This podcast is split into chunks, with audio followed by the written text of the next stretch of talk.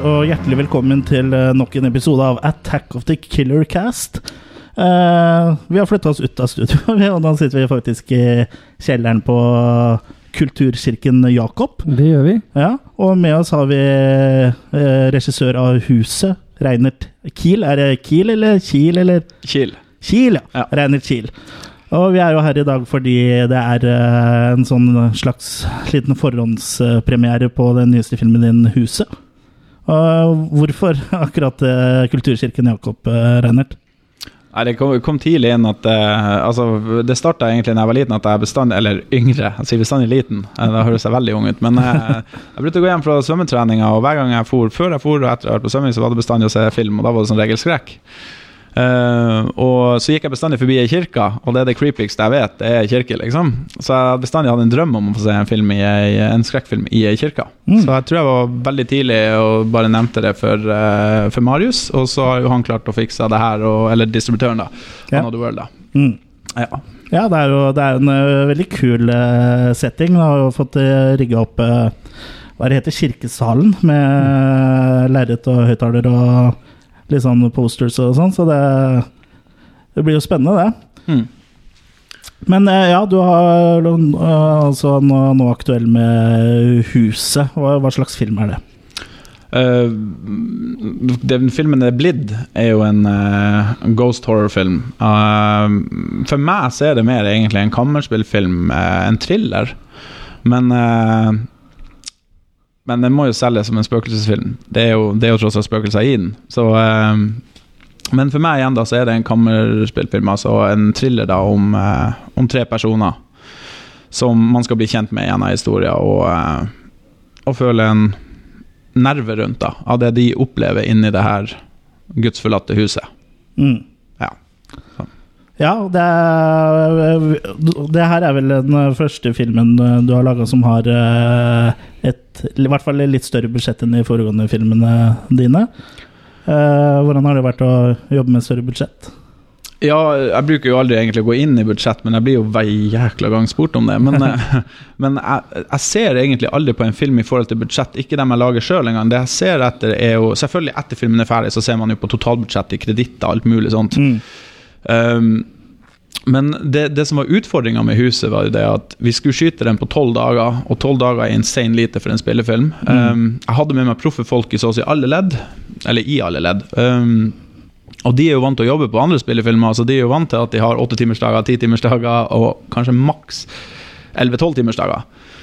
Og eh, jeg visste at vi var nødt til å gå fra ti til tolv timersdager på denne filmen, og det var en utfordring. Å klare å holde oss nede i tid. Um, I forhold til budsjett og i forhold til eh, Ja, det å ikke rett og slett eh, gå langt over det som er normen innenfor eh, det å lage film, da. Mm. Som var veldig viktig for meg også. fordi at skal man fortsette å lage film sånn som jeg gjorde Hora og Inside the Whore, så, eh, så får jeg aldri lært meg som regissør å jobbe profesjonelt. For man er jo også nødt til å holde seg innenfor ei ramme. Men det jeg gjorde dumt, det var kanskje det å skulle velge å skyte den på tolv dager. Men igjen, det er jo budsjetting, det òg. Mm. For det koster jo per dag er jo dyrt. Mm. Så, så jeg vet ikke om jeg svarte ordentlig her nå, men ja, det er bra. Ja, for de foregående filmene så gikk det mer på på dine egne premisser, med at skuespillerne var med på det som passa deg som regissør, eller, eller dere som crew, da, å få, få gjort det innenfor eh, tidsmessig og sånn. Mens nå måtte du holde mer eh, antall timer per dag. Ja, og så jeg, jeg må jo bare innrømme det og si det at de folkene som var med på denne produksjonen også, er jo folk jeg jobba med før i diverse forskjellige sammenhenger. Og vi gikk jo inn her også med en, eh, en eh, float der vi alle var enige om at filmen skulle bli ferdig uansett en av de dagene. Men det var veldig viktig, at det er jo noe som skjer etter du har jobba i 10-12 timer, så begynner jo hodet ikke å fungere så bra lenger. og ja, det, vi, vi var nødt til å holde oss klartenkt gjennom hele denne produksjonen. Så vi hadde, det er jo første filmen jeg laga av langfilm der jeg faktisk hadde en skyteplan. Eh, det har jeg ikke hatt for verken Hora eller Inside. In- Inside Horror kunne jeg ikke ha det, for der lurte jeg jo hele teamen som var med også til hva vi skulle lage. Det var jo ingen som visste hva manuset var, bortsett fra meg. Okay. For alle hadde jo et annet manus de fulgte. Okay. Så, så, så, så, og Hora hadde Altså, det var jo et lekeprosjekt. Det var jo en syv dagers crazy-produksjon der vi lå på 21 timer om dagen på det makse, liksom, og 17 timer. Mens eh, det her var et Jeg hadde lyst til å få han profesjonell og på, på eh, ja, så godt som overhodet mulig. Og, og det, ikke minst skuespillerne, for du, de må virkelig være klare hele tida. Og, eh, og vi hadde jo eldre folk med her, og yngre. Mm. Og da er det jo, det er jo ekstremt strenge rammer rundt å ha barn på sett. Ja. Så, så det var mange grunner da, Mm. som gjorde det litt, litt trangere for meg med lekinga, men samtidig Ja, jeg, jeg føler vi fikk til veldig mye på tolv dager, i hvert fall. Absolutt. Vi skal snakke mer om huset, men eh, før det, vi, la oss spole litt tilbake til Hora. Mm. Hvordan uh, fikk du ideen til å lage den filmen? Det, det har ligget og ruga gjennom livet mitt på alle de filmene jeg laga, egentlig kortfilmer nå. At det er liksom det at jeg har sett filmer fra jeg var yngre av, og så har jeg savna liksom det og det og det ikke sant, i en, enkle filmer. Og det jeg har laga frem til dags dato i både musikkvideoene mine og i, i, i spillefilmene, som veldig sjelden blir tatt opp, men det er jo at jeg lager jo hele tida metafilm. Mm. Så, så det her er jo egentlig den første filmen jeg lager ever som ikke har noe meta i seg. Mm. Um, og, og det, det, jeg bestandig syns bare film i seg sjøl er et utrolig interessant format. da Så at du, du har jo mulighet til å leke på alle mulige forskjellige måter. Mm. Og, og, og, det er noe jeg syns er det ja, Det mest morsomme er jo at du har uh, utrolig sterke kunstnere i forskjellige posisjoner som går sammen og lager én ting. Um, og det er noe, noe som jeg syns veldig sjelden blir tatt opp med film. da At uh, Det kan jo være blant verdens beste musikere som går sammen med fotografer. sant? Så du danner jo ett verk som Mm. veldig mange hoder er med på å gjøre. da Og, og prosessen til det er jo det mest interessante. Og Hora var da en film som jeg bare tenkte på lekenhet rundt prinsippet meta og, og eh, og eh, Rape Revenge-sjangeren, som jeg fant ut. For jeg valgte egentlig Rape Revenge fra tre forskjellige subsjangre. Mm. Der jeg tenkte jeg skulle ta den hardeste av de tre som kunne fortelles på enklest mulig måte.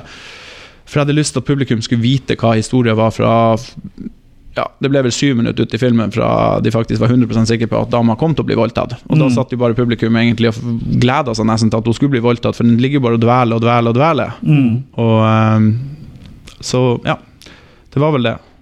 Og det var originalt og tenkt som en trilogi, eller var det noe du kom på etter hvert?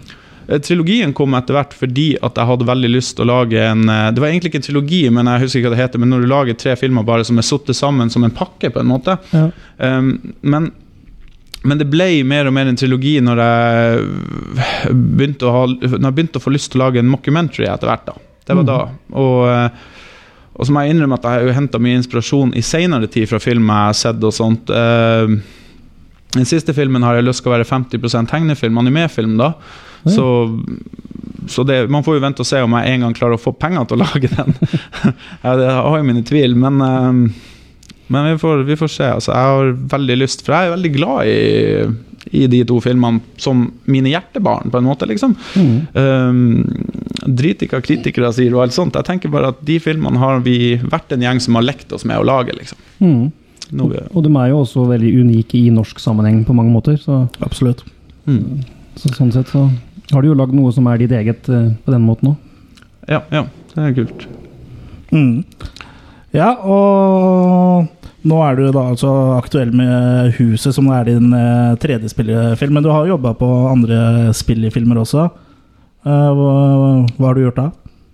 Eh, Du tenker på andre sine filmer? Andre sine filmer, ja. Ja. Nei, jeg har jo jobba For det meste så har jeg jobba som rekvisitør, eller eh, eh, propmaster, da, som det heter internasjonalt. Um, men jeg har jo vært innenfor mange forskjellige felt, da. Men det er det som er hovedfeltet mitt. Og, jeg har vært art director og production designer på, på to filmer. Mm. Eh, jeg har lyst til å fortsette å jobbe som rekvisitør, for jeg syns det er et spennende yrke. Det er veldig kreativt. eh, og utfordrende, ikke minst. Eh, men jeg har lyst til å satse litt mer fremover nå på regibiten, og ikke minst manus. da. Mm. Men eh, det er de siste to årene jeg har Nei, eh, fire årene eller de siste fire årene jeg har begynt å jobbe litt mer internasjonalt. Jeg har vært i USA og jobba nå to ganger. og og skal tilbake dit i år og jobbe på en ny spillefilm som rekvisitør. Og så har jeg vært i Tyskland, England og litt forskjellig da, og jobba på, på prosjekter da, til Mm. andre folk. da. Uh, og da begynner det å bli litt mer spennende. Selv om det er mindre penger, så er det på en måte da føler man Jeg, jeg føler litt at, at det er utviklinga i seg sjøl som arbeider som er triggeren til å jobbe med film, for rik blir man aldri uansett, liksom. Så, Nei. Men du danner kanskje et veldig sterkt nettverk da, i bransjen, som du kan gjøre nytte av som regissør og Ja, ja virkelig. Det, det, men så er det litt problem også med hvilken type film jeg lager. Så at, Ja, ja. eh, men det er mye filmfestivaler, faktisk. Eh, Mm. Så jeg takker veldig mye hora for, eh, for det nettverket jeg bygde opp. da. Um, det er liksom, Jeg har jo kontakt nå med personer som jeg virkelig har lyst til å jobbe med i fremtiden. Alt fra John Waters til liksom Jørg Butgareit og uh, Olaf Ittenbach hadde jeg jo tidligere vel, altså, mailkontakt med. og sånt, og det det er liksom, jeg, jeg vet jo aldri om jeg blir å jobbe med dem, men det er jo, da er jeg litt nærmere en drøm. da, for at Ja, ja, det, har, ja, det starter jo et sted. da. Så Totec Pictures er jo et selskap som spurte om jeg ville ha regi på eh, ene filmen, sånn 50-50-ordning, der eh, Fred Vogel skulle ha regi på halvparten av filmen, og jeg på halvparten. Og all respekt til dem, jeg syns de gjør en vanvittig bra jobb når det kommer til special effects og, og regi på enkelte prosjekter de har hatt. Men eh, det er ikke helt min sjanger, det de har kommet med så langt. da. Um, så altså, jeg har takka nei til den, men vi driver og jobber i lag liksom, om mulig utvikling. Og dem møtte jeg igjen to ganger på festival med Hora. Liksom, en gang i USA og en gang i Nederland. Så, um, så ja, det danner jo et stort nettverk. Virkelig. Var det i USA som han ble også forbudt i en stat eller en by, eller? Ja, det var veldig spesielt. Minneapolis, var det ikke det? Ja, veldig sært. Det var liksom, de hadde opp sånn secret screening på Hora, der de bare hadde plakaten av trynet mitt, liksom. Som sto der. Det er veldig sært. Jeg tror faktisk det var Marius som fikk den meldinga tilbake på Minneapolis Underground Film Festival. No, we cannot screen this film, but we will have a secret screening because it's banned. Så det er jo Vet du noe om eh, hva grunnen og årsaken til at den ble bannlyst eh, her? Årsaken deres var at den var for grafisk voldelig voldelig innenfor seksualitet. Ja. Og, og det kan jeg skjønne når du tenker på USA. Så Ja. det er den seksualiteten tror jeg som gjorde det sånn, da. Mm. Så jeg har ikke, jeg har ikke gitt ut en eh, DVD-versjon hvor det står sånn 'Band in Minneapolis' eh, på coveret. Det hadde vært utrolig. Det hadde vært kult. Sverige gjorde det. Ja, gjorde de det? Ja, Sverige gjorde det. Eh, Sverige putta ut det, og så var det en annen ting også. Ja, de putta også på DVD-en sin at uh, a guy passed out in uh, Eller en fyr svimte av i Nederland, i bredavisninga. Oh. Og da var det jo ambulanse til uh, Buttfilm Festival, som vi var, og så var det jo førstesida i avisa dagen etterpå. og sånt. Så det var, jeg tror det var også litt av grunnen for at VG tok opp det også, at det ble plutselig et stort omslag i VG om hora. og sånt. Så vi var, vi var på en måte uheldige i uhellene, liksom. Ja. Så, eh, men det er jo litt sånn sånne filmer ruller og går, da. Ja, ja. ja, Så, um, Skaper blest, det. ja det er, alle, alle PR er jo, er jo god PR. Men Ja. eh, tror du det var eh, innholdet i filmen som gjorde at han svimte av? Ja, det, det bare- vet jeg. Men det var at han var med, jeg var jo på den festivalen, og Ja. jeg var jo inne i salen når han svimte av. Mm. Så eh, jeg fikk ikke med meg at han svimte av, men jeg hørte bare det at han var på tur ut av salen, og så datt han om med barn som var på utsida, liksom. Ja. Og, eh, men i, i senere tid så fikk jeg jo snakka med han altså senere på dagen, da. Og da hadde han vært der med dama si, og eh, hun elska skrekk, men han hadde nesten ikke sett noe. Og så, Nei, altså, sånn, ja. og så plutselig står han og ser det der, og så tror jeg det var et inntrykk òg av at jeg var i lokalet fordi at han var redd meg. Liksom, han ville ikke møte meg først. Så, eh, så det var litt Litt begge deler. Og så tror jeg kanskje han fikk litt sjokk på hvilke filmer dama satt og så på. jeg vet ikke. Men eh, det, Ja, det er kanskje litt uh, sterk kost eh, når du ikke er vant til skrekkfilmer, å begynne med rape revenge-filmer. Ja. det kan være. Men den er jo la laga veldig meta, da, så jeg, jeg, Ja. jeg forstår jo ikke helt det. For den er jo på en måte laga litt sånn Du skjønner at filmen er film. ikke sant? Altså, vi, Mm. vi går ikke så at du skal gå inn som publikum og bli sugd inn i et univers her som du skal tro på. Den fortelles jo i tre forskjellige lag, den filmen, med at Mm. du har rolloutene og du har liksom Mm. Så, så det er Litt litt sånn Groundhouse-stil på det Ja, reelene som detter ut. Så, Mm. så det var, men det er jo gjort i, i min film så er det gjort mer bevisst fordi at jeg har lyst til å fortelle publikum For at allerede etter syv minutter som jeg sa i sted, så ser du et klipp av at hun blir voldtatt. Mm. Og det er bare for å fortelle bare å vise publikum at det her blir å skje. Mm. Så gled dere, eller gru dere. Mm. Og, så, og det er morsomt, for anmelderne også sitter jo bare og skriver på alle negative anmeldere jeg fikk i Norge, så sto det sånn 'Endelig kommer voldtekten'. En? Og det er jo absurd å lese ei setning som sier at 'endelig kommer den', liksom. Og det var jo på en måte poenget med filmen, da. At, Mm. eh, Så, mm, Ja, for Du snakker også om meta, og du, også, du hadde også lagt inn en del referanser til andre filmer. mm, Hvorpå du utlovte en slags dusør hvis noen klarte å ta alle 42, eller noe sånt. mm. Du har fortsatt sluppet å betale noe dusør, eller? Ja, jeg sluppet det. Nei, det var ikke dusør, jeg skulle lage romantisk komedie. Ja, det var det. Det stemmer. det stemmer. Husker du alle 42 selv fortsatt? Jeg husker ikke alle i hodet. Jo, eller kanskje hvis jeg begynner å tenke. Altså, Ja. virkelig, men, eh, men, eh, men det er ikke et problem for meg. Hvis jeg ser filmen igjen, så husker jeg det med en gang. For det var Jeg tror det var 34 eller Nei, 32 av dem var det sånn var det for jeg telle igjen, altså var, var gjort på sett. Mens resten er gjort i etterarbeid i forhold til uh, alt fra grading til special effects til til uh, ja. Far fargevalg og ja. mm. Det som er morsomt, jeg kan si en referanse som ingen har tatt ennå, det er at eh, jeg vet, eh, Når jeg var rundt sånn 14, eller noe sånt, så bodde man på hotellrom rundt omkring i Norge når jeg drev med svømming og forskjellig. Så var man inn på eh, Da lurte man seg å se på den pornokanalen som var bestandig. Ja. og, og det som var første referansen jeg tenkte på derifra, var fordi at jeg fikk ikke lov først, For det første så er det ikke lov å reklamere for alkohol i Norge. Nei. Mm. Og eh, det var jo noe jeg virkelig hadde lyst til i denne filmen, for jeg hadde lyst til å bare gønne på med det som ikke var lovlig. Og så gjorde jeg det, og så plutselig så fikk jeg beskjed fra de, det merket som hadde det, for jeg sendte jo inn bildene, at Mm. det her får du ikke lov til. Og da tenkte jeg meg en gang sånn Ok, men det her er jo perfekt referanse da til de pornofilmene jeg så på TV. Fordi at pornofilmene var nødt til å gjøre det samme. Mm. Men de gjorde det òg på produkter. Og det syns jeg var veldig spennende. Å, ja. Ja. Så, Så det, der har sladden, ja. Så derfor Ja. du har sladda plastikkposer og sigaretter og Ja. mm. så det er ren referanse til rett og slett til porno. Det Mm. er. Um, fra minnet jeg har fra jeg var yngre, da. Hysj, hysj. Ja, alle har vel sett på en pornofilm på, på et hotellrom. Ja, ja. Eller hva, Kurt? Nei, vi hadde det hjemme i stua, vi, sånn sladd. Ja, ja, ja. Du måtte sette på svensk tekst. Vet du. ja, nei, det kom ikke så Du hadde kanskje ikke parabol? Men du nevner også eh, blest i VG, og at det ble litt storm om det her i Norge. Og det var vel litt det du valgte å ta the piss out of med oppfølgeren? Mm. Du ville lage litt gjøn eller litt uh... Jeg ville lure publikum til å se en film de absolutt ikke forventa seg. Uh, den skulle selges som den mest styggeste filmen på jord, og den skulle liksom Altså, Planen min var jo en helt annen enn det det utarta seg til også. For det var helt ærlig så var det ikke så mange som så 'Inside the Hore. 'Hora' var jo en film som nådde veldig bredt, mens 'Inside the Hore nådde ikke noe særlig bredt ut. da Noe, okay. som, var, noe som var litt trist, syns jeg, egentlig, for den ble gitt ut. Den hadde en veldig god distribusjon, syns jeg. Den ble jo både på Blu-ray, DVD, og så ble den solgt til mange land før den var egentlig gitt ut i, no i Norge en gang. mm. Men på en eller annen måte så, eh, så klaffa han ikke, rett og slett. Og, og, men, men ideen var jo veldig med det der at for at dere har jo sikkert også opplevd det på de gamle VHS-coverne man hadde fra 80-tallet da man var yngre. da Så så man at det kunne se ut som en beinhard actionfilm, på, og, og så var det egentlig en drama. Eller liksom, jeg, jeg husker den filmen jeg så som jeg ble mest overraska over, var en engelsk versjon av Surf Nazis Must Die.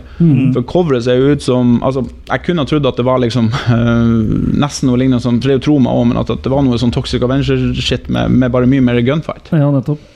Men jeg ble veldig overrasket, sånn, for jeg føler jo det er en dramafilm. Det er jo en uh, utrolig rolig uh, Ja.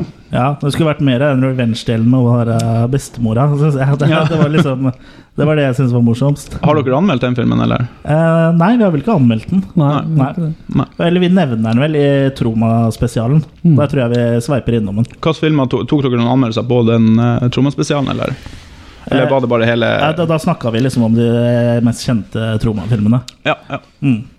Jeg har vært på to festivaler der Lloyd Cuffen skulle være, men jeg kom på begge festivalene for seint til at han hadde reist. Ja. Mm. Så han har jeg faktisk ikke fått møtt ennå. Jeg har veldig lyst. For Ja. Han virker som en sånn Ja. Jovial type.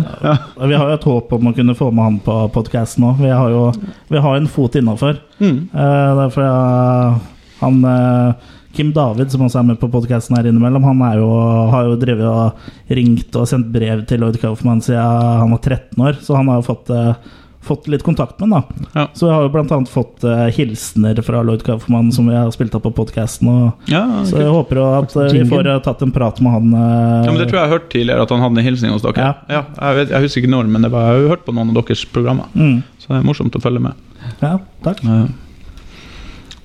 Men uh, skal vi ta oss og bevege oss til uh, 2016 og kanskje snakke litt om uh, huset igjen, da? Ja. Vi kan jo ta og høre på traileren eh, før vi snakker videre. Ja.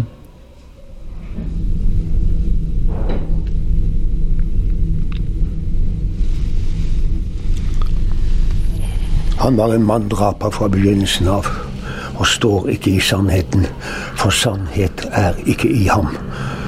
Og når han taler løgn, taler han sitt eget, for han er løgnen og løgnens far. Lise, hører du meg?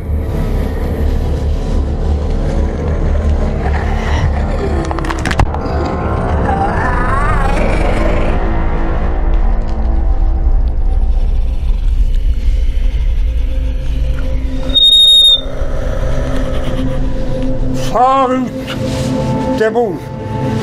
Forlat den uskyldige pikens kropp.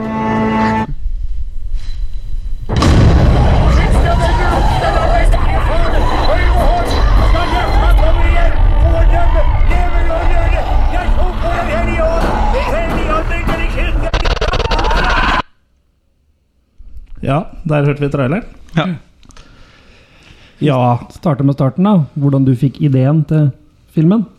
Ja, det, det er jo det, det er ikke bare én idé der, for det var flere ideer som smelta sammen, da. Um, jeg har eh, bestandig vært veldig fascinert av andre verdenskrig på et eller annet vis. Altså, jeg syns uh, ikke, altså Hvis du skal begynne på det spesifikke, sånn som uniformer og alt det her, det er jo dritkult. Mm.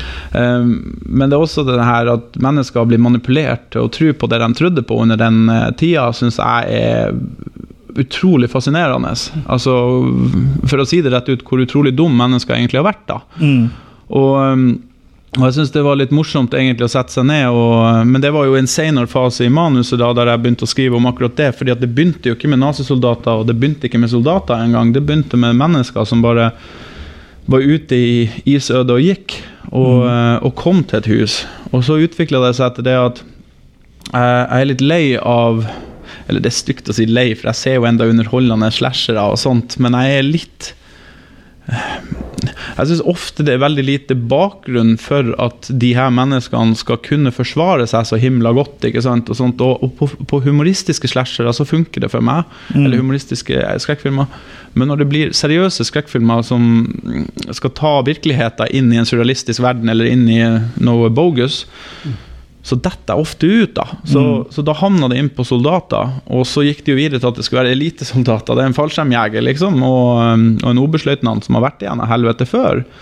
Og så var det interessant å putte dem inn i et helt nytt helvete. Mm. Mm. Og um, det var vel egentlig det som var i ideen rundt uh, filmen til et ferdig manus, da. Uh, sikkert glemt noe nå. Jo, også når jeg begynte å skrive historier, så var det mennesker, men den ene var tatt til fange. Og da hadde jeg hele tida eh, Sondre Krogtoff Larsen i hodet mitt når jeg satt og skrev. fordi at jeg hadde lyst på den mest plaine figuren, altså plaine mennesket som som også Etter hvert så utvikler seg selvfølgelig til at han, han er jo det best perfekte ariske rasen, liksom, som Hitler ville jo forgude han, liksom. Mm. Altså utseendemessig. Eh, men det kom seinere, da. Men jeg hadde han hele tida i tankene jeg satt og skrev det manuset. Og, eh, og, det er jo litt for at jeg hadde lyst til å jobbe med han, men samtidig også, så er det noe med han som Han er litt for snill til å være snill, syns jeg. Han, han, har noe mystisk i seg. Ikke sant? Og det hadde jeg lyst til å, eh, å leke litt med, da. Mm. Så, så, det er jo sikkert flere ting òg, men det er liksom de, de, tingene jeg sa først nå, det med, med andre verdenskrig, og, og, og, ikke minst det her med å kunne forsvare seg til noe som egentlig ikke du kan forsvare deg imot, men at du i hvert fall tror på det, da. Det var mm. det som var ideen, da. Mm. Ja. Og disse soldatene kommer da til, eh, til et hus, og uten å spoile for mye, hva, hva er det med det huset?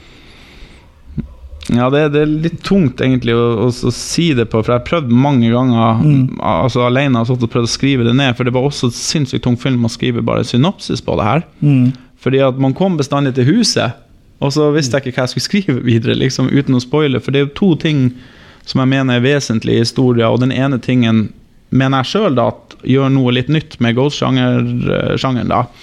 Uh, og det kan jeg jo ikke si.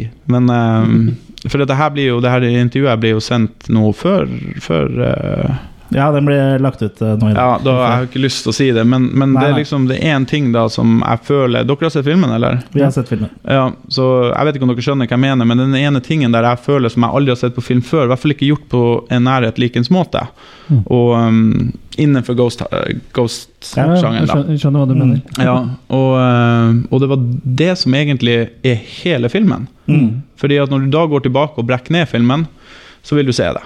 Ja. Og, um, og, du må liksom se ferdig, absolutt se ferdig hele før du egentlig har catcha hele greia, ja. Ja, mm. for jeg tror mange vil jo tenke Det, det første jeg tenker når jeg, når jeg tenker spøkelser, gjenferd og sånt, da, så er det jo tusen historier jeg har hørt fra gamle onkler og diverse oppe i nord mm. fra man var liten av. Og um, og det er jo bestandig det her at glasset flytter seg litt, ja. og, så, mm. og så døra slamrer opp, jeg hører barneskritt. ikke sant? Ja. Og de tingene syns jeg liksom at Snakker man med bestemor eller snakker man med onkel Svein, liksom, altså forskjellige mm. personer, så forteller de det samme fra samme hus, som regel. Mm. Mm. Og, og, det leder meg litt inn i den der uh, tvisten, om du kan kalle det det. da, ikke sant? Ja. Og, så um, men det, det, var det også jeg snakka i går på telefon med Tom, som kommer i dag og skal presentere fra Åndenes makta. Ja. Og det var det han ble veldig fascinert over med filmen, at, at, jeg hadde tatt opp det. For det hadde han heller ikke sett før. Mm. Men han har tenkt det ofte da, når det har kommet til til Han har jo vært på utrolig mange hus da, som folk mener det går igjen, igjen på. da Mm. Og det han opplever ofte, er den samme Altså, hans personlige inntrykk er den samme greia, da. Mm. Og, øh, men jeg tror jo mange mennesker har tenkt det. Jeg, jeg vet ikke, altså, men det er i hvert fall den tanken som har ligget hos meg veldig Mm. ofte. Så um, mm. Men jeg vet ikke om vi skal gå noe inn på ja, Det er det med spoiling, da, men uh, eh, Jeg skal kalle det religiøse aspektet, liksom. ja. Eh, Også det at det er lagt til andre verdenskrig, hvor kanskje flere hadde et forhold til det, på en måte. At flere på en måte ja, trodde på de tinga òg. Ja, ja det, det er tida, selvfølgelig. Men det skal sies at filmen kunne ha vært spilt inn i 2016, og andre verdenskrig kunne vært spilt når som helst, liksom, egentlig. Og det er det Ja, det Men det, det er klart med en gang du kommer deg bort fra teknologien i dag, så har du én positiv ting, mener jeg, til å lage skrekk. For, og så har du den andre tingen også, at folk var mer åpne på den tida, som du sier. ikke sant? Um, den tredje tingen er også det at eh, vi i dag danner oss bestandig bilder av det vi ser, hører eller leser av fortida.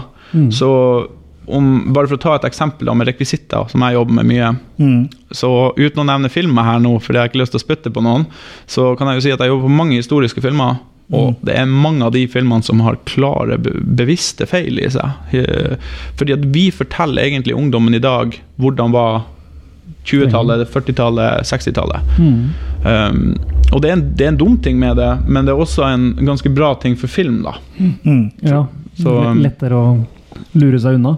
Ja, jo, ikke bare det, men jeg, jeg, hvis man skal følge det 100% Så det er en ting hvis du går inn Jeg kan anbefale dere å gå inn og se på oslobilder.no.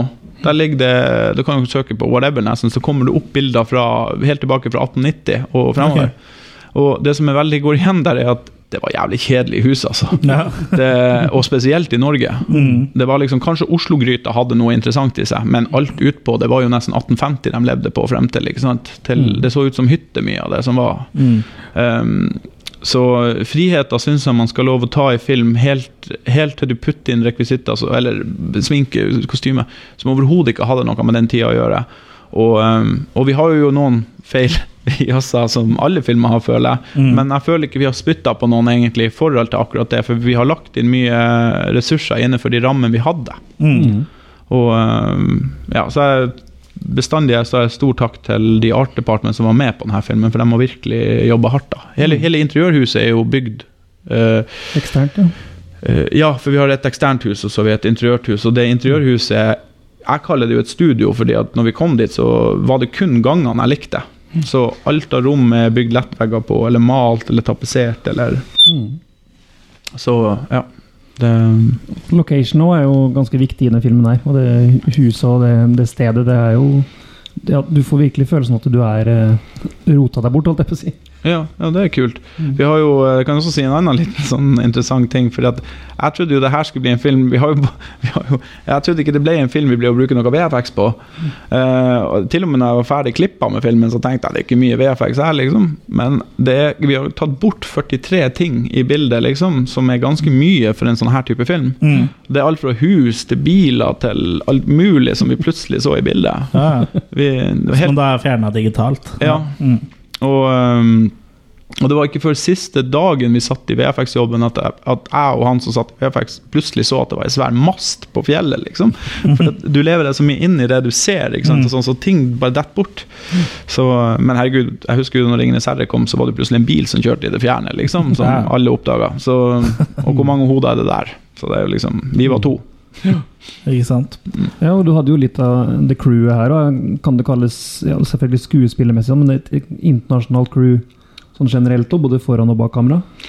Ja, i, i hvert fall foran. Vi hadde bakkamera, vet jeg ikke om det. Det, det er veldig mye nordlendinger faktisk i denne filmen, fordi at vi fikk støtte fra Nord-Norge, fra Filmcamp. Eh, Filmcamp kom inn med penger, og det var en plan jeg hadde hele tida å søke dem, men vi fikk, eh, vi fikk nei første søkerunde, sånn var det. Men så tenkte jeg at i etterarbeid så vil vi i hvert fall ha en mulighet til å kunne søke dem. Så vi henta ned masse nordlendinger som jobber med film i nord, til å jobbe på den, og så, eh, så fikk vi penger derfra, da. Men eh, av eh, skuespillere, så er den eneste internasjonale Nå skal jeg passe meg litt, for at er det noen andre? Det, det er i hvert fall hun som var med casting eh, i eh, Tyskland. Men hun Mm. er faktisk norsk, egentlig, men hun bor okay. i Tyskland. Ja. Men hun kom også inn senere på banen etter jeg allerede hadde begynt å kaste de skuespillerne. Men det var mer fordi at jeg bare måtte vite retningslinjen. For det, var, det er jo helt insane forskjeller fra land til land. Ja, ikke sant? Ja, så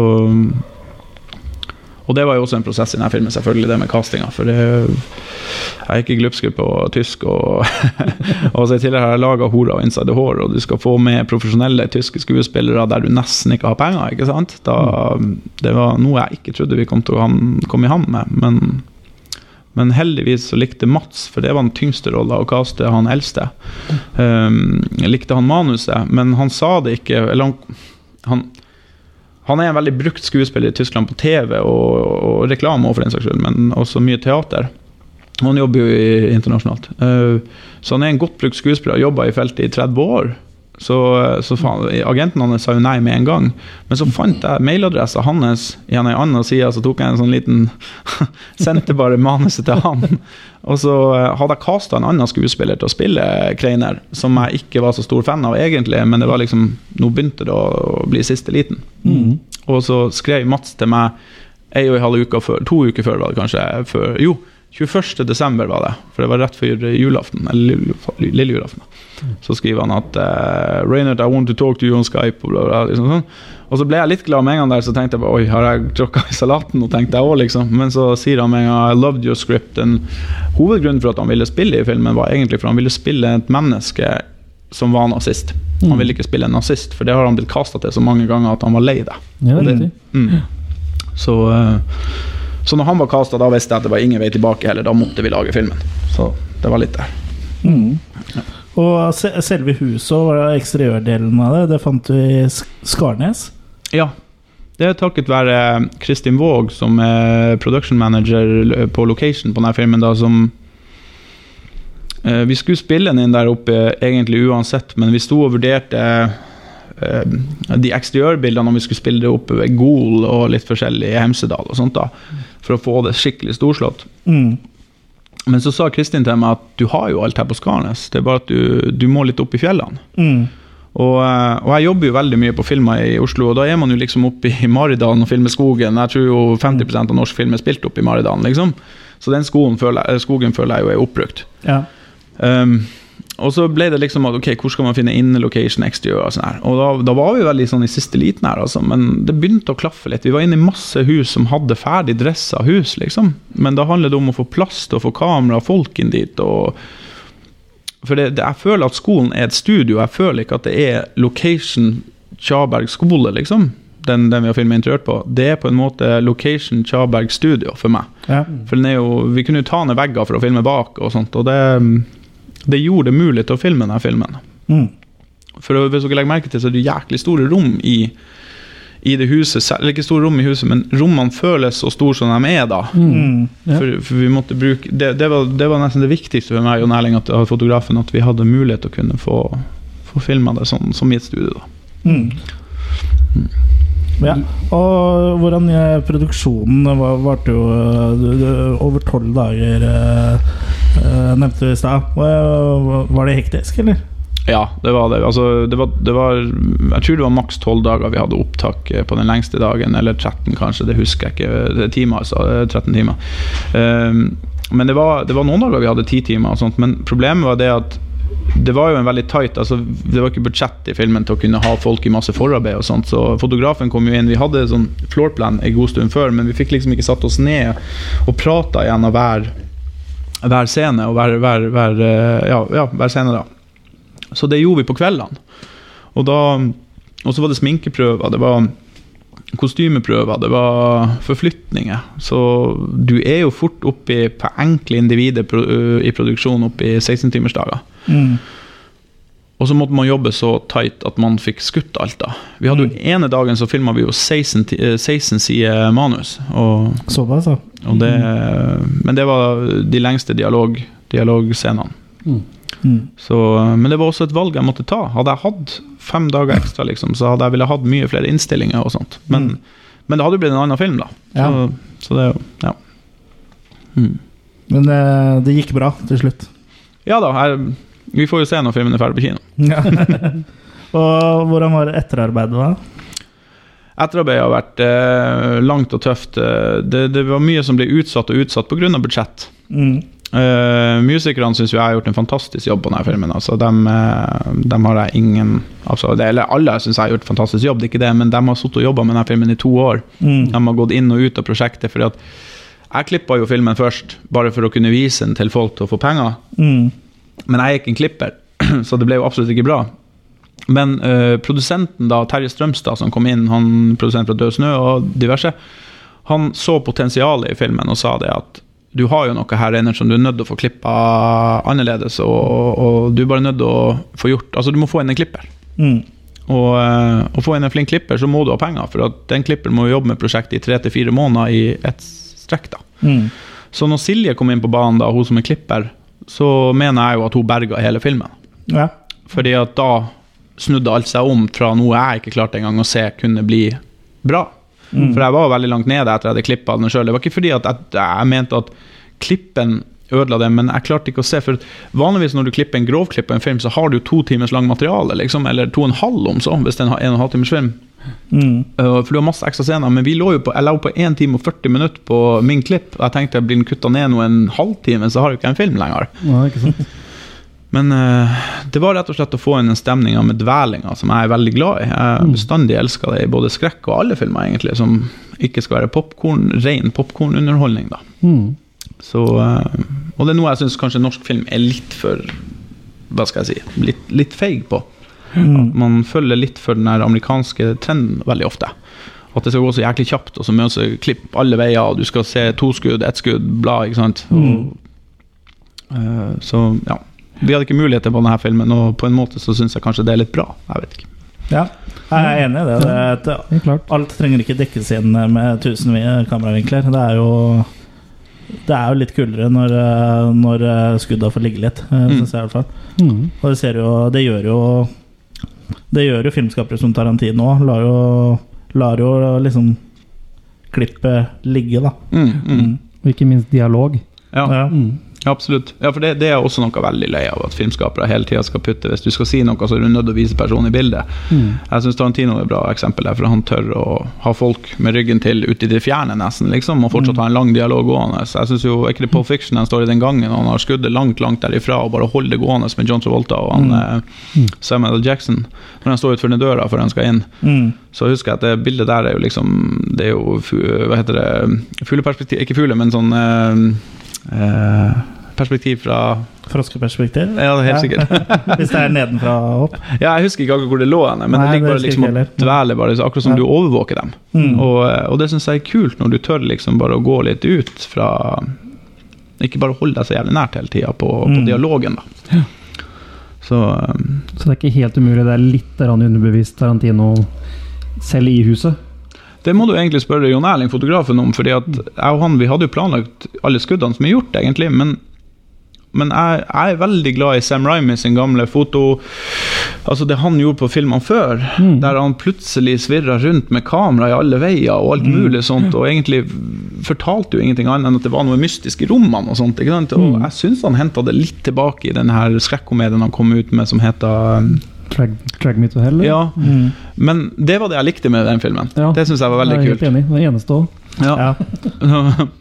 Men, men han eh, så, så, så jeg er litt glad i det også. Det er derfor vi har litt bevegen, be, bevegenhet i kamera på kanskje litt sånn ulydige plasser, som jeg bruker å si. Liksom at Du trekker deg imot en skuespiller ekstremt hurtig, selv om det faktisk ikke er noe mer enn en dialog som skal komme.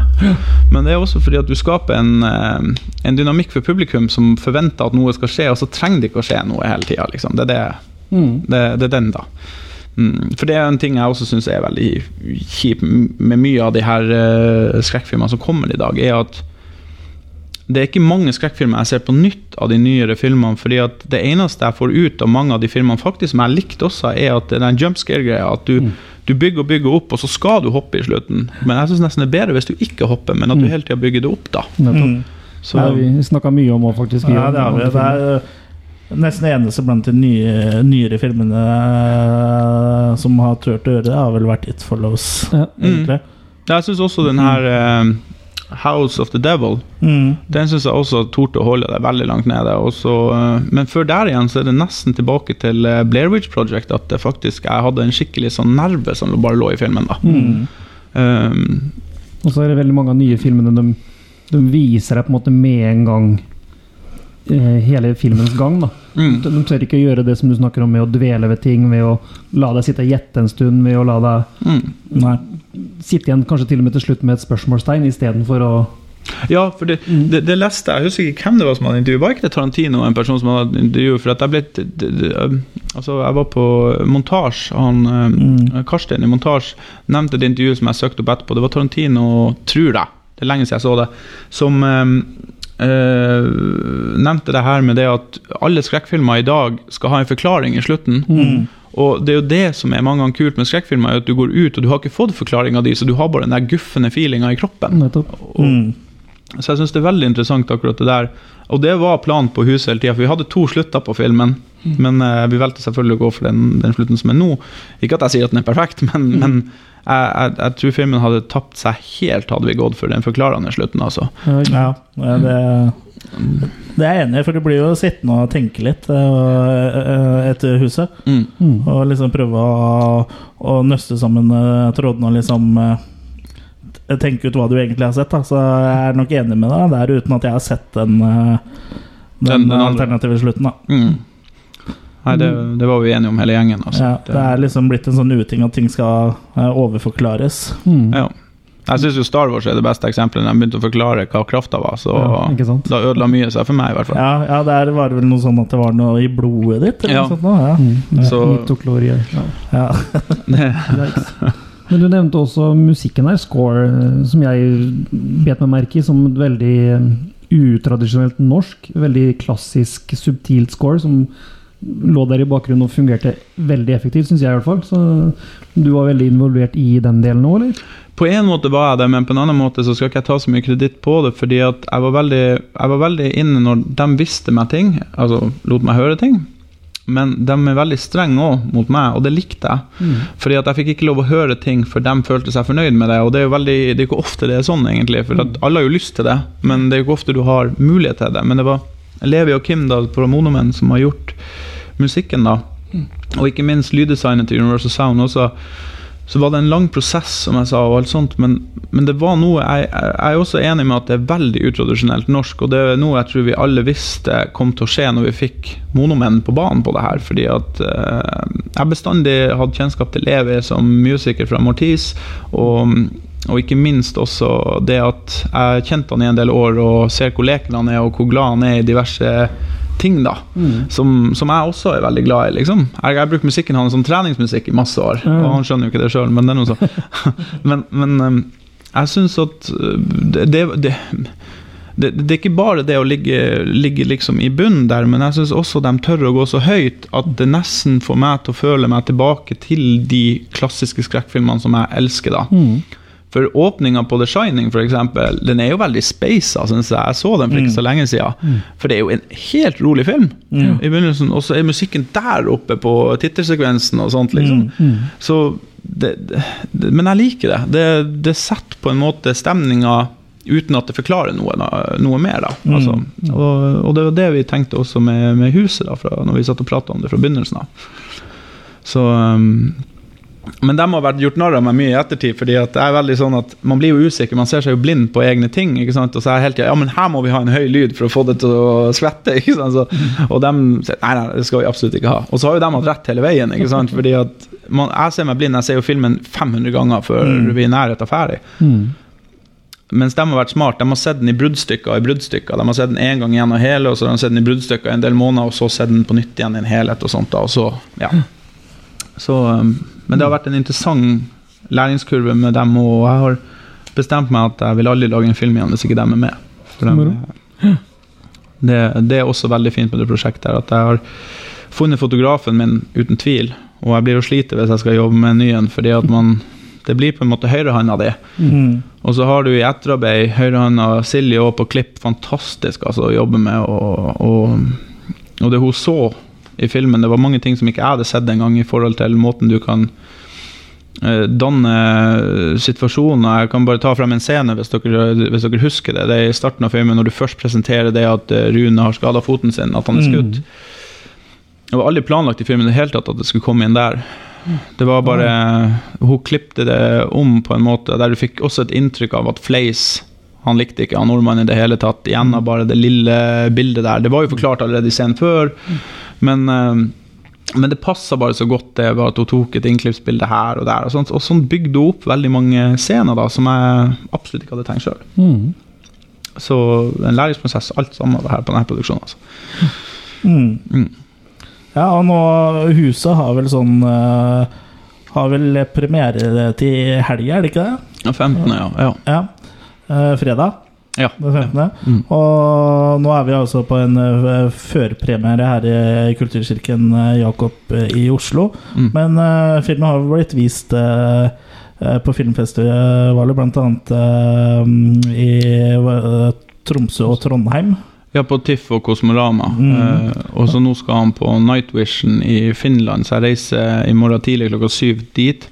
Og der skal Cannibal Holocaust-regissøren eh, Deodat, Deodato, Deodato skal dit. Og eh, det var flere ganske store navn. Jeg, jeg, vet ikke, men jeg så bare at The Room skal vises der på, eh, eh, på filmformat.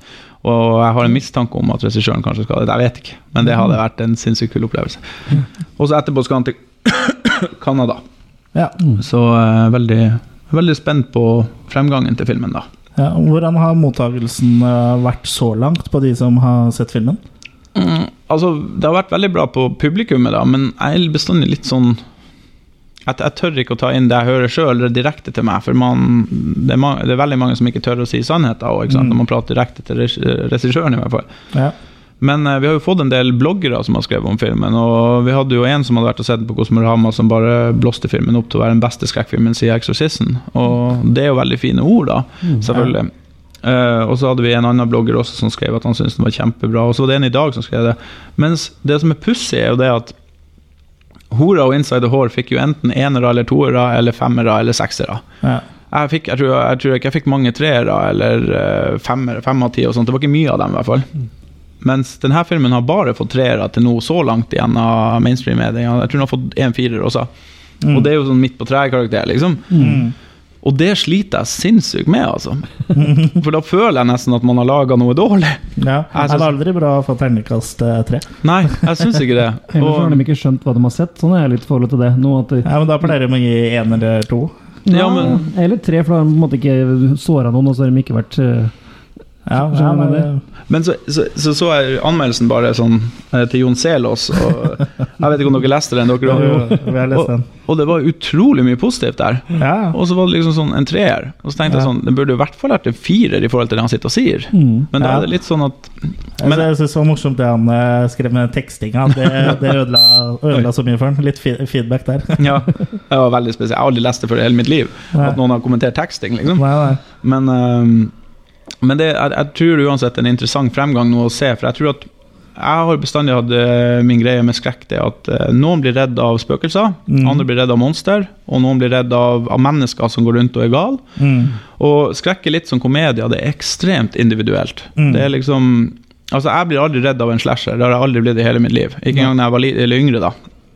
Men når det kommer til Åh, sorry. Det går bra. Eh, når det kommer til eh, gjenferd og sånt, da, da freaker jeg ut ofte. Hvis det, er, hvis det er god skrekk, da. Ja.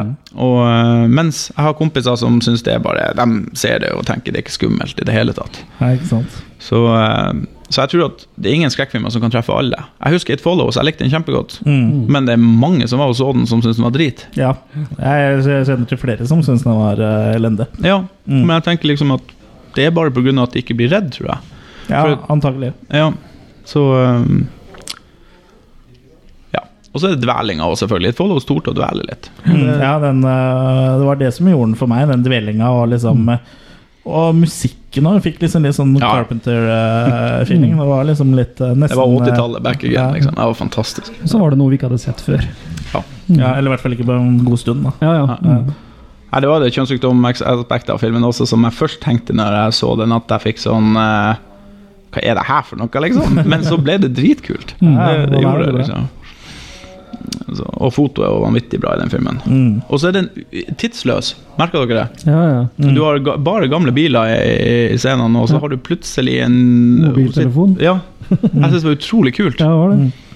Så det var nesten så jeg satt og tenkte sånn at For det var en ganske low budget film. Men jeg satt nesten og tenkte sånn at det er nesten så de har bare prøvd å lage den gammel og hengt igjen med noe nytt. Men så hadde de også noen sånne kule rekvisitter som ikke jeg tror, jeg tror de har skapt sjøl, på et vis. Ja, Hun satt med sånn sminkegreier, tror jeg, og som var en Stemmer, som står veldig sånn hjemmelaga og veldig fargerik hvis du ikke lagt merke til den. Mm. For den var veldig sånn at du måtte legge merke til den. Ja. Mm. Så det var en veldig spesiell film, altså. Mm. Men den ligger i hjertet mitt som en skrekkfilm som er kommet ut i siste år. Men jeg må også trekke frem Conjuring, fordi at Mm. Ja, faktisk. de, de første 70 minuttene av filmen, det er ikke så lenge siden jeg så den, tror er 70 minutter, så syns jeg faktisk det er en av verdens beste skrekkfilmer. Mm. Men slutten den ødela filmen veldig for min del. da. Mm. For jeg synes at Da ble det bare en sånn Altså, Den toppa seg sjøl i for mange lag. at Jeg satt nesten da og venta at den bare skulle bli ferdig. Mm. Det var egentlig etter alle de her fuglene begynte å krasjlande, og, og mora var blitt helt psykotisk. Da Jeg følte ikke det var nødvendig i filmen. Nei. Så, eh, men så så vi Conjuring 2-traileren. Dere har sikkert sett den? Ja. Ja. Og det som vi ble overraska over, at de altså, nå sier jeg de har henta masse fra oss, for det har de absolutt ikke gjort, men vi har jo veldig mye av det samme i filmen. Korsene går opp ned, Mm. de har liksom det samme rundt med kamera. De har liksom, det var mange, mange sånne ting der som bare henta, og ikke minst den skrikeffekten med at han slår tilbake Mm. når personen sitter Ja, dere skjønner hva jeg mener. Ja. Så det er litt, litt sånne type ting som slo oss litt der. At man kanskje tenker i de samme banene fra skrekkfilmer man har blitt inspirert av i de siste årene. Jeg vet ikke. Mm. Helt sikkert. For alle ser vel nesten det samme, vil Ja. jeg tro. I hvert fall hvis du er skrekkfan, eller skrekkentusiast. Mm. Mm. Ja, apropos det, hva, hvilke filmer er du, du er mest fan av? Du har jo nevnt It Follows og The Conjuring. Ja, det er siste årene, men jeg må også de siste årene, så syns jeg Martyrs var ekstremt bra, den eh, originalutgaven. da. Mm. Eh, Det er blitt en av mine favorittfilmer gjennom tidene. Mm. Jeg bare elsker den. Jeg er veldig glad i eh, filmer som tør å knekke eh, ikke bare dramaturgien, men også eh, hva heter det, sjangeren i filmen. da. Mm. For jeg føler den filmen har tre lag. Altså Den begynner som en slags sånn Hva skal jeg si En slags sånn Nesten en slags terrorfilm der i det hjemmet der jeg blir bare blåst ned og alt sånt. Og jeg følte nesten vi var inne i den franske bølgen med alt det voldet som skal i filmen. Mm. Men så utvikler det seg videre etter det til en slags ghost-film. Mm. Og så er du inne plutselig i en eh, Hva heter det sånn eh, eh, Så-aktig Altså en Torture porn. Takk skal du ha. Mm. Torture porn-filmaktig. Og jeg syns det var gjort utrolig spennende. Jeg så en annen film Jeg var på filmfestivalen med regissøren på den faktisk nede i Spania, som heter Morituries, tror jeg den heter. Eller Moritur. Mm. Spansk film som er en monster, rape revenge, uh, slasher-aktig sak. Og mm. Den har fått veldig dårlige kritikker, og sånt, men jeg syns den var underholdende, for de torde å knekke den opp så bra. liksom. Mm. Og det lages for få sånne filmer, syns jeg. da. Men av tidligere filmer så er jeg veldig fan av uh, ja, The Shining, selvfølgelig, og også Rosemary's Baby og de klassiske. Men så har jeg jo også uh, tidligere og tidligere, fra 2002 eller noe sånt, Boba Hotep har vært en uh, enorm Altså den filmen jeg ble mest overraska av å ha sett i hele mitt liv. For jeg, jeg hadde ingen aning hva jeg skulle se. Nei. Og jeg syns manuset er så genialt i den filmen. Det, det er det som er hele filmen, føler jeg. Mm. liksom, At den er tatt så beinseriøs, liksom. Og så Mm. er det liksom om en zombie som går og sluker sjela ut av rumpa på folk, liksom. Mm. Og Bruce Campbell som Elvis. Ja. Men jeg syns nesten ikke Bruce Campbell som Elvis for min del. For jeg Ja. digger jo Bruce Campbell, men Ja. jeg syns nesten ikke det var lagt så mye vekt på i filmen, og det likte jeg. Det var liksom bare en sånn liten sideting, da. Mm. Uh, og det digger jeg. Og så en uh, Ja, vet ikke, mørk John F. Kennedy også, han uh, oss i Ja. ja. Uh, så jeg digga det, da. Og, um, og, så, er jeg glad i West Craven, selvfølgelig. Jeg synes Den beste Reprevention synes jeg er Last House on the Left. Mm, det er jeg enig i. Det er også min eh, favoritt. eh, Ja, jeg synes den eh, Men det er et kammerspill, hele filmen. Altså, jeg Mm. føler at Det handler kun om det spillet der. Og jeg syns Mm. han David Hess er ikke det han? Ja, han, han spiller vanvittig bra i den. Mm, veldig bra. Um, Det er vel en remake av Jomfru Sjælland, er det Ja. ikke det? Ja. Ingen Bergman, ja. Mm. Eller en slags remake, da. Ja, Ja. i hvert heavily inspired. Ja. hmm. Men så, så er det, hvis man skal gå bort fra skrekk og sånt, altså, for det er det jeg, jeg liker egentlig Jeg bruker aldri å sette filmer, for jeg mener en god film er en god film uansett. Ja. Og det er liksom, Jeg har jo alt fra selvfølgelig James Cameron til Terminator 2, som er min desidert favorittfilm gjennom tidene. Mm. Og jeg er ekstremt glad i postapokalyptiske filmer, så jeg digger jo Mad Max. Mm. Den nye syns jeg var enestående fantastisk. Det var, en, var på en måte en musikal som som bare var perfekt. Mm. Mm. Eh, det var som å gå på konsert med Metallica. på en måte liksom. Jeg satt bare, Og jeg så den i The Doom i LA første gangen, liksom, og du Wow. sto riste i salen. liksom. Kult. Det var helt fantastisk. Og, mm. Ja, men jeg liker veldig mye forskjellig. da. Pans Labyrinth og ja. Mm. Ja. Mm. Og dere? Dere har sagt det så mange ganger på podkasten, Ja, kanskje? det, det, det er jo Ja, skal Eller hvis jeg kan spørre på en annen måte som, eh, Hvis dere ikke skal ta skrekkfilmer, men filmer som kanskje går innenfor en annen sjanger, men som lever litt på skrekk Sånn som eh, One Flew Over the Cuckoo's Nest, for eksempel. mm. Ja, er jo litt den er bra. der, ja, med litt den derre stemningsskapninga der og, og Ja, det er jo rett og slett gærne folk. Og det er det jo ofte i skrekkfilmer òg. Ja. Mm. ja, det er jo det. Ja, og så er det jo sånn som ja, Shawshack Redemption og sånne ting. Ja, den er, den er veldig bra. Ja. Ja, den tror jeg alle må synes er bra. Jeg tror alle har møtt et menneske som ikke syns den er bra. Nei, det er, vel en, man skriver opp hvis man gjør, tror jeg. det er vel en grunn til at den ligger på topp på IMDb sin topp 250-liste. Ja, den gjør det enda, ja. Den gjør det enda. Ja, ja, fantastisk. En av mine desiderte favorittfilmer er jo Back to the Future. Ja. Mm. Liker du alle tre, eller? Jeg liker alle tre, men eneren er jo best. Nei, Jeg syns én, og så tre, og så to. Mm. Ja. Ja, det er samme her. For når jeg var yngre, så syns jeg liksom eh, toeren var veldig kul. ja, men når jeg liksom, når jeg setter når jeg, i senere tid, så blir liksom treeren bedre og bedre. Da. Mm, mm. Så ja. Begynnelsen på trea syns jeg er fantastisk. ja. Han kommer dit. Det er fantastisk. Eh, nei det er jo Men alle de klassiske er jo Men hvis man skal gå på sida av, av det klassiske systemet, hvis man skal begynne å hente frem B-filmer, eller kanskje litt mer sånn Sånn som Jeg kan ta et eksempel som jeg så på nytt igjen. Jeg kjøpte den på DVD. Mm. Og uh, Eliminators. Fordi at jeg, jeg husker den fra jeg var veldig ung. Jeg hadde den på en sånn WHS. Har dere sett den, eller? Nei, jeg har den, men Jeg har ikke sett den ennå. Nei. Jeg syns fortsatt den er dritkul, men det kan være fordi at jeg har nostalgien fra jeg var liten og så den, for det er jo utrolig mye dårlig der. Mm. Men det er nesten som at det, det er selvfølgelig det er mye av det dårlige som blir bra fordi at det er dårlig. Ja, ja. Sånn, er, sorry. sånn er det på veldig mye av de filmene, da. Men akkurat den filmen er litt morsom, for du tar liksom inn der barnefantasien med ninja og cyborg og Mm. robot er der, og det er liksom sexy dame, du har ja, våpen, skyting, kjøring for, kjøre fort. Og så Sherry 2000 husker jeg også veldig Ja. godt. Den har ikke jeg sett masse år, da, Men den kjøpte jeg nylig på Blu-ray, så den er ikke så lenge siden jeg så. Den var knallfin. er den fin ennå? Ja, den syns jeg var veldig bra. Den, Jeg gleder meg til den. Og så Dolph Lundgren, Dark Angel, digger jeg. ja. Den er fantastisk, altså. Så det er liksom Det er B-filmer, som jeg sier, da, som jeg syns faktisk holder mål opp imot eliten. Mm. Fordi at de er bra på sin egen måte, da.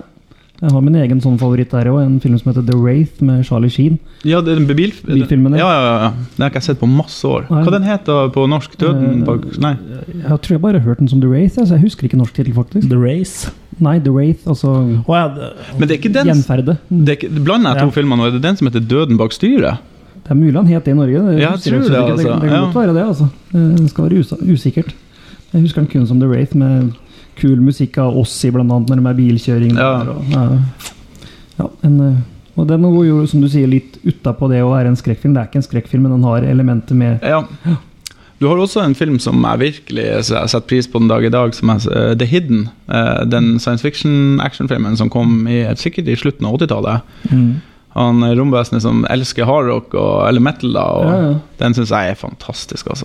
Den tror jeg faktisk ikke jeg har sett. Men, eh, Nei, det, den har jeg ikke sett heller. Og det den filmen jeg ble spurt i, i ei avis for noen måneder siden, var det vel, for at, og da plagde det seg sinnssykt, for han sa hvis du skulle ha en film du skulle hatt remake av en gang i tida, da, eller han spurte egentlig hva jeg ville lage remake av. Men så, det er en film som er veldig bra, men historia er så sykt bra, så jeg tenker at det må være perfekt å lage en remake av den, liksom. mm. Mm. Hvis du får rett til Paul Verhoeven, for eksempel, som regissør på noe sånt, det ja. vært helt hinsides, altså. Så eh, Hvis han gjør noe bra lenger. han må ha rett historie, tror jeg, og få Ja.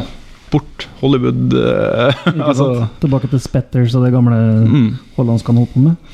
ja, Men jeg syns også mye av det han gjorde i begynnelsen i Hollywood, var bra. Men det er jo selvfølgelig Ja ja, Robocop er jo fortsatt en bauta.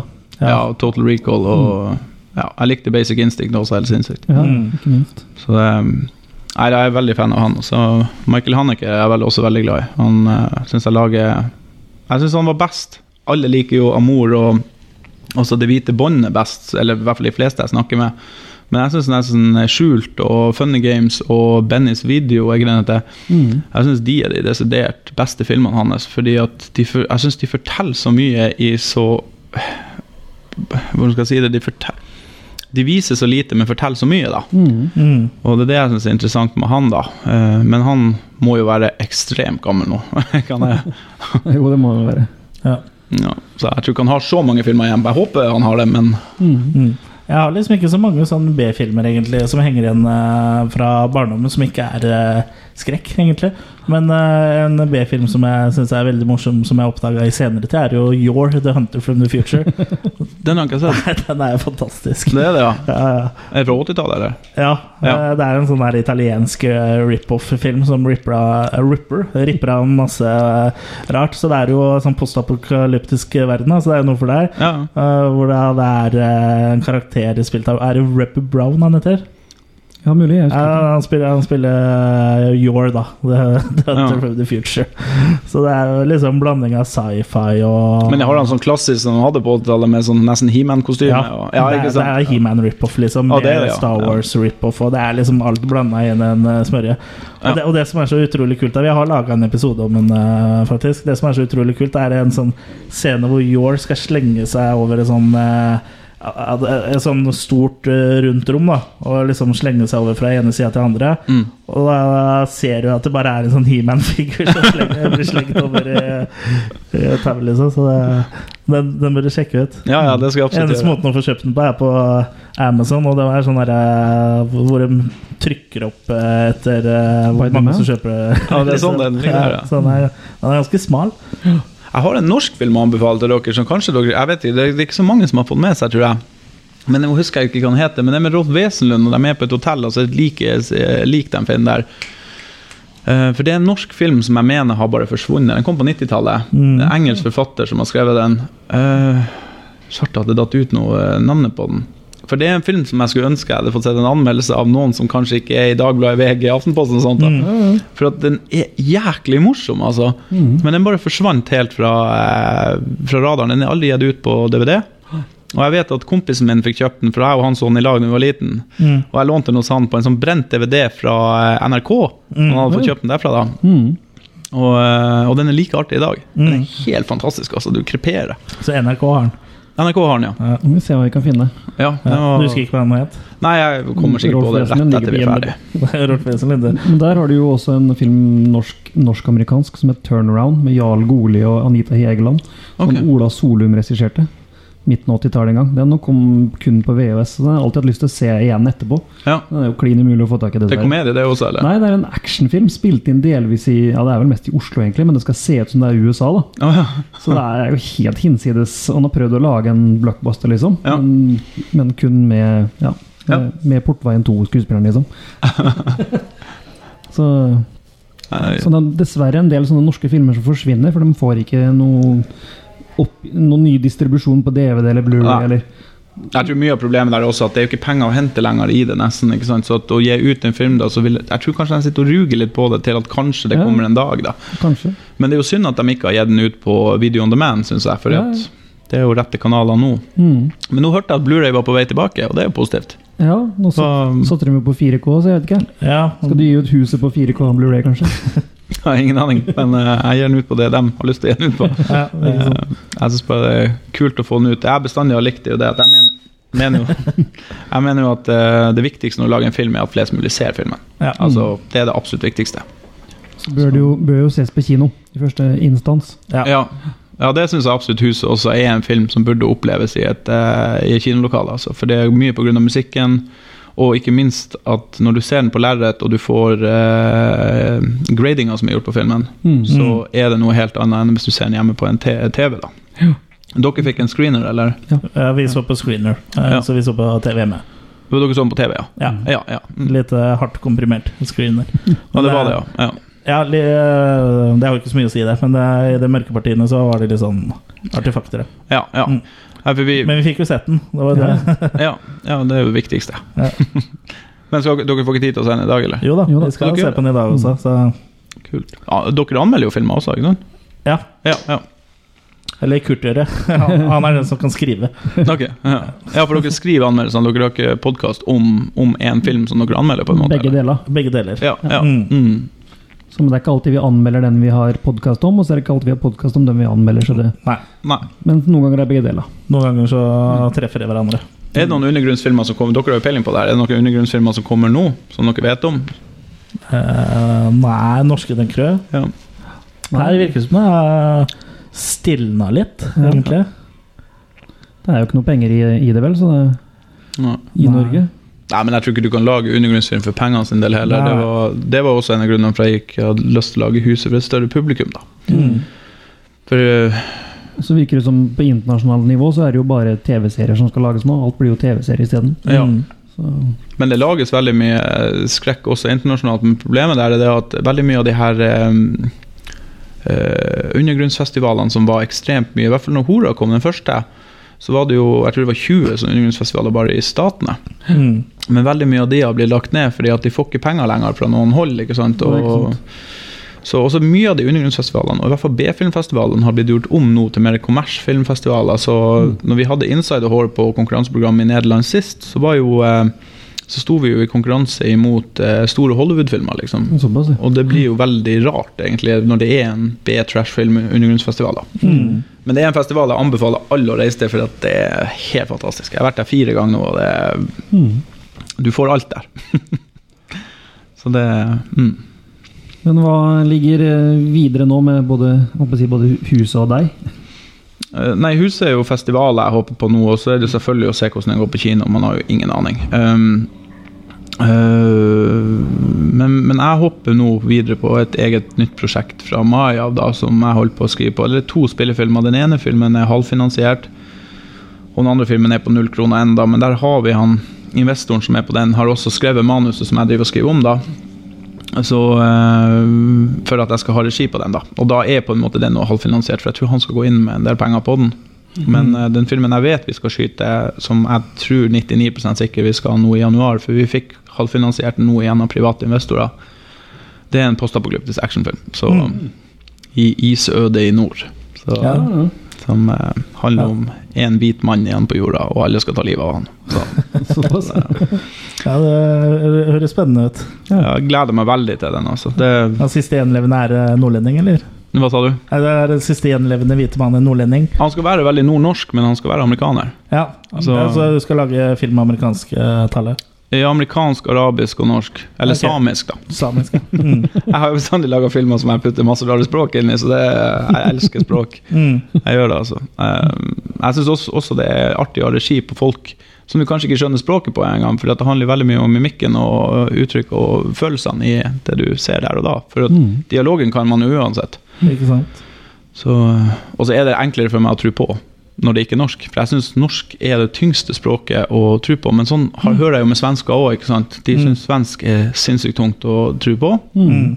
Og nederlendinger syns nederlandsk, eller dutch, da, Mm. er veldig tungt. Eh, Så det er jo noe at man kommer fra Norge og du hører Men i de siste årene så har vi blitt bedre å bruke dialekter. Ja. For, for Mm. 90-tallet var det Ja, for, forferdelig. ja, med bokmål eh, Ja. og ikke tegn til dialekt, så blir det veldig kunstig. ja, for bokmål høres veldig fint ut på film hvis du har motspill fra en dialekt. Da syns Ja. jeg det funker. Ja. Men med en gang det er to som prater bokmål på en film, så føler jeg noen sitter og leser opp det her. Liksom. Det, Mm. det er noe rart i det. Men jeg tror man er litt ødelagt av 80-90-tallet. For man, alt hørtes kleint ut da. kan vel For. takke Vann og Vennerød for mye av det. 70-tallet var mye bedre enn meg. Men det er jo Bjørn Sundquist har jo sagt sjøl, og ikke minst Jørgen Langele sier jo sjøl også, at det var jo før i tida så var det ikke lov å prate noe annet enn dialekt. Så, Nei, nei. Så de var tvunget til å lære seg det. Og, um, og det, det er synd, det, altså. For jeg syns Jørgen er en av verdens beste skuespillere, i min personlige mening. Mm. Når han spiller bra, så spiller han helt I, i The Thing syns jeg han var hele filmen. Mm. Og, og i, um, i Elling så prater jo alle om Elling og kompisen, men jeg syns Jørgen er helt hinsides bra, altså, som støttekontakten. Mm. Ja. Jeg gleder meg hver gang han kommer liksom, på skjermen. Og Torpedo også, som en serie jeg mener er virkelig, virkelig glemt i Norge. da. Ja. Jeg likte den kjempegodt. Bortsett fra siste episode, da, så syns jeg det var en fantastisk Mm. serie. altså. Mm. Og det er takket være Jørgen, mener jeg, da.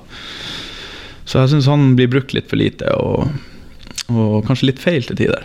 Mm. Men han er Ja, jeg syns han når opp til de store gutta i, i Hollywood, da. Mm. Nå har jo flere og flere nordmenn blitt Hollywood-skuespillere òg, så Ja.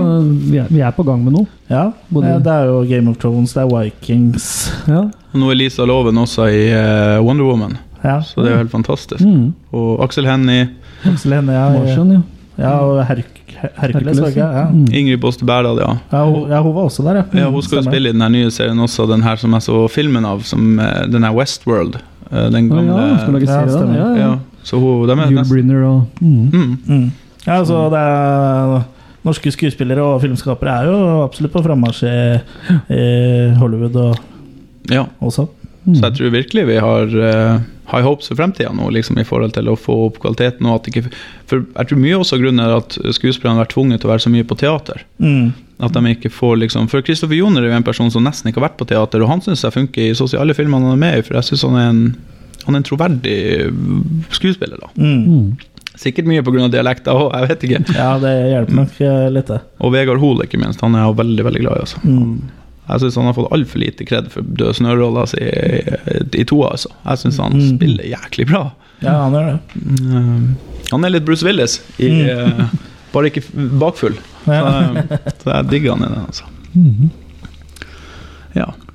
ja, da kan vi vel kanskje begynne å tenke på å avslutte episoden. Så for å ha masse lykke til med huset, Reinert. Mm. Tusen takk.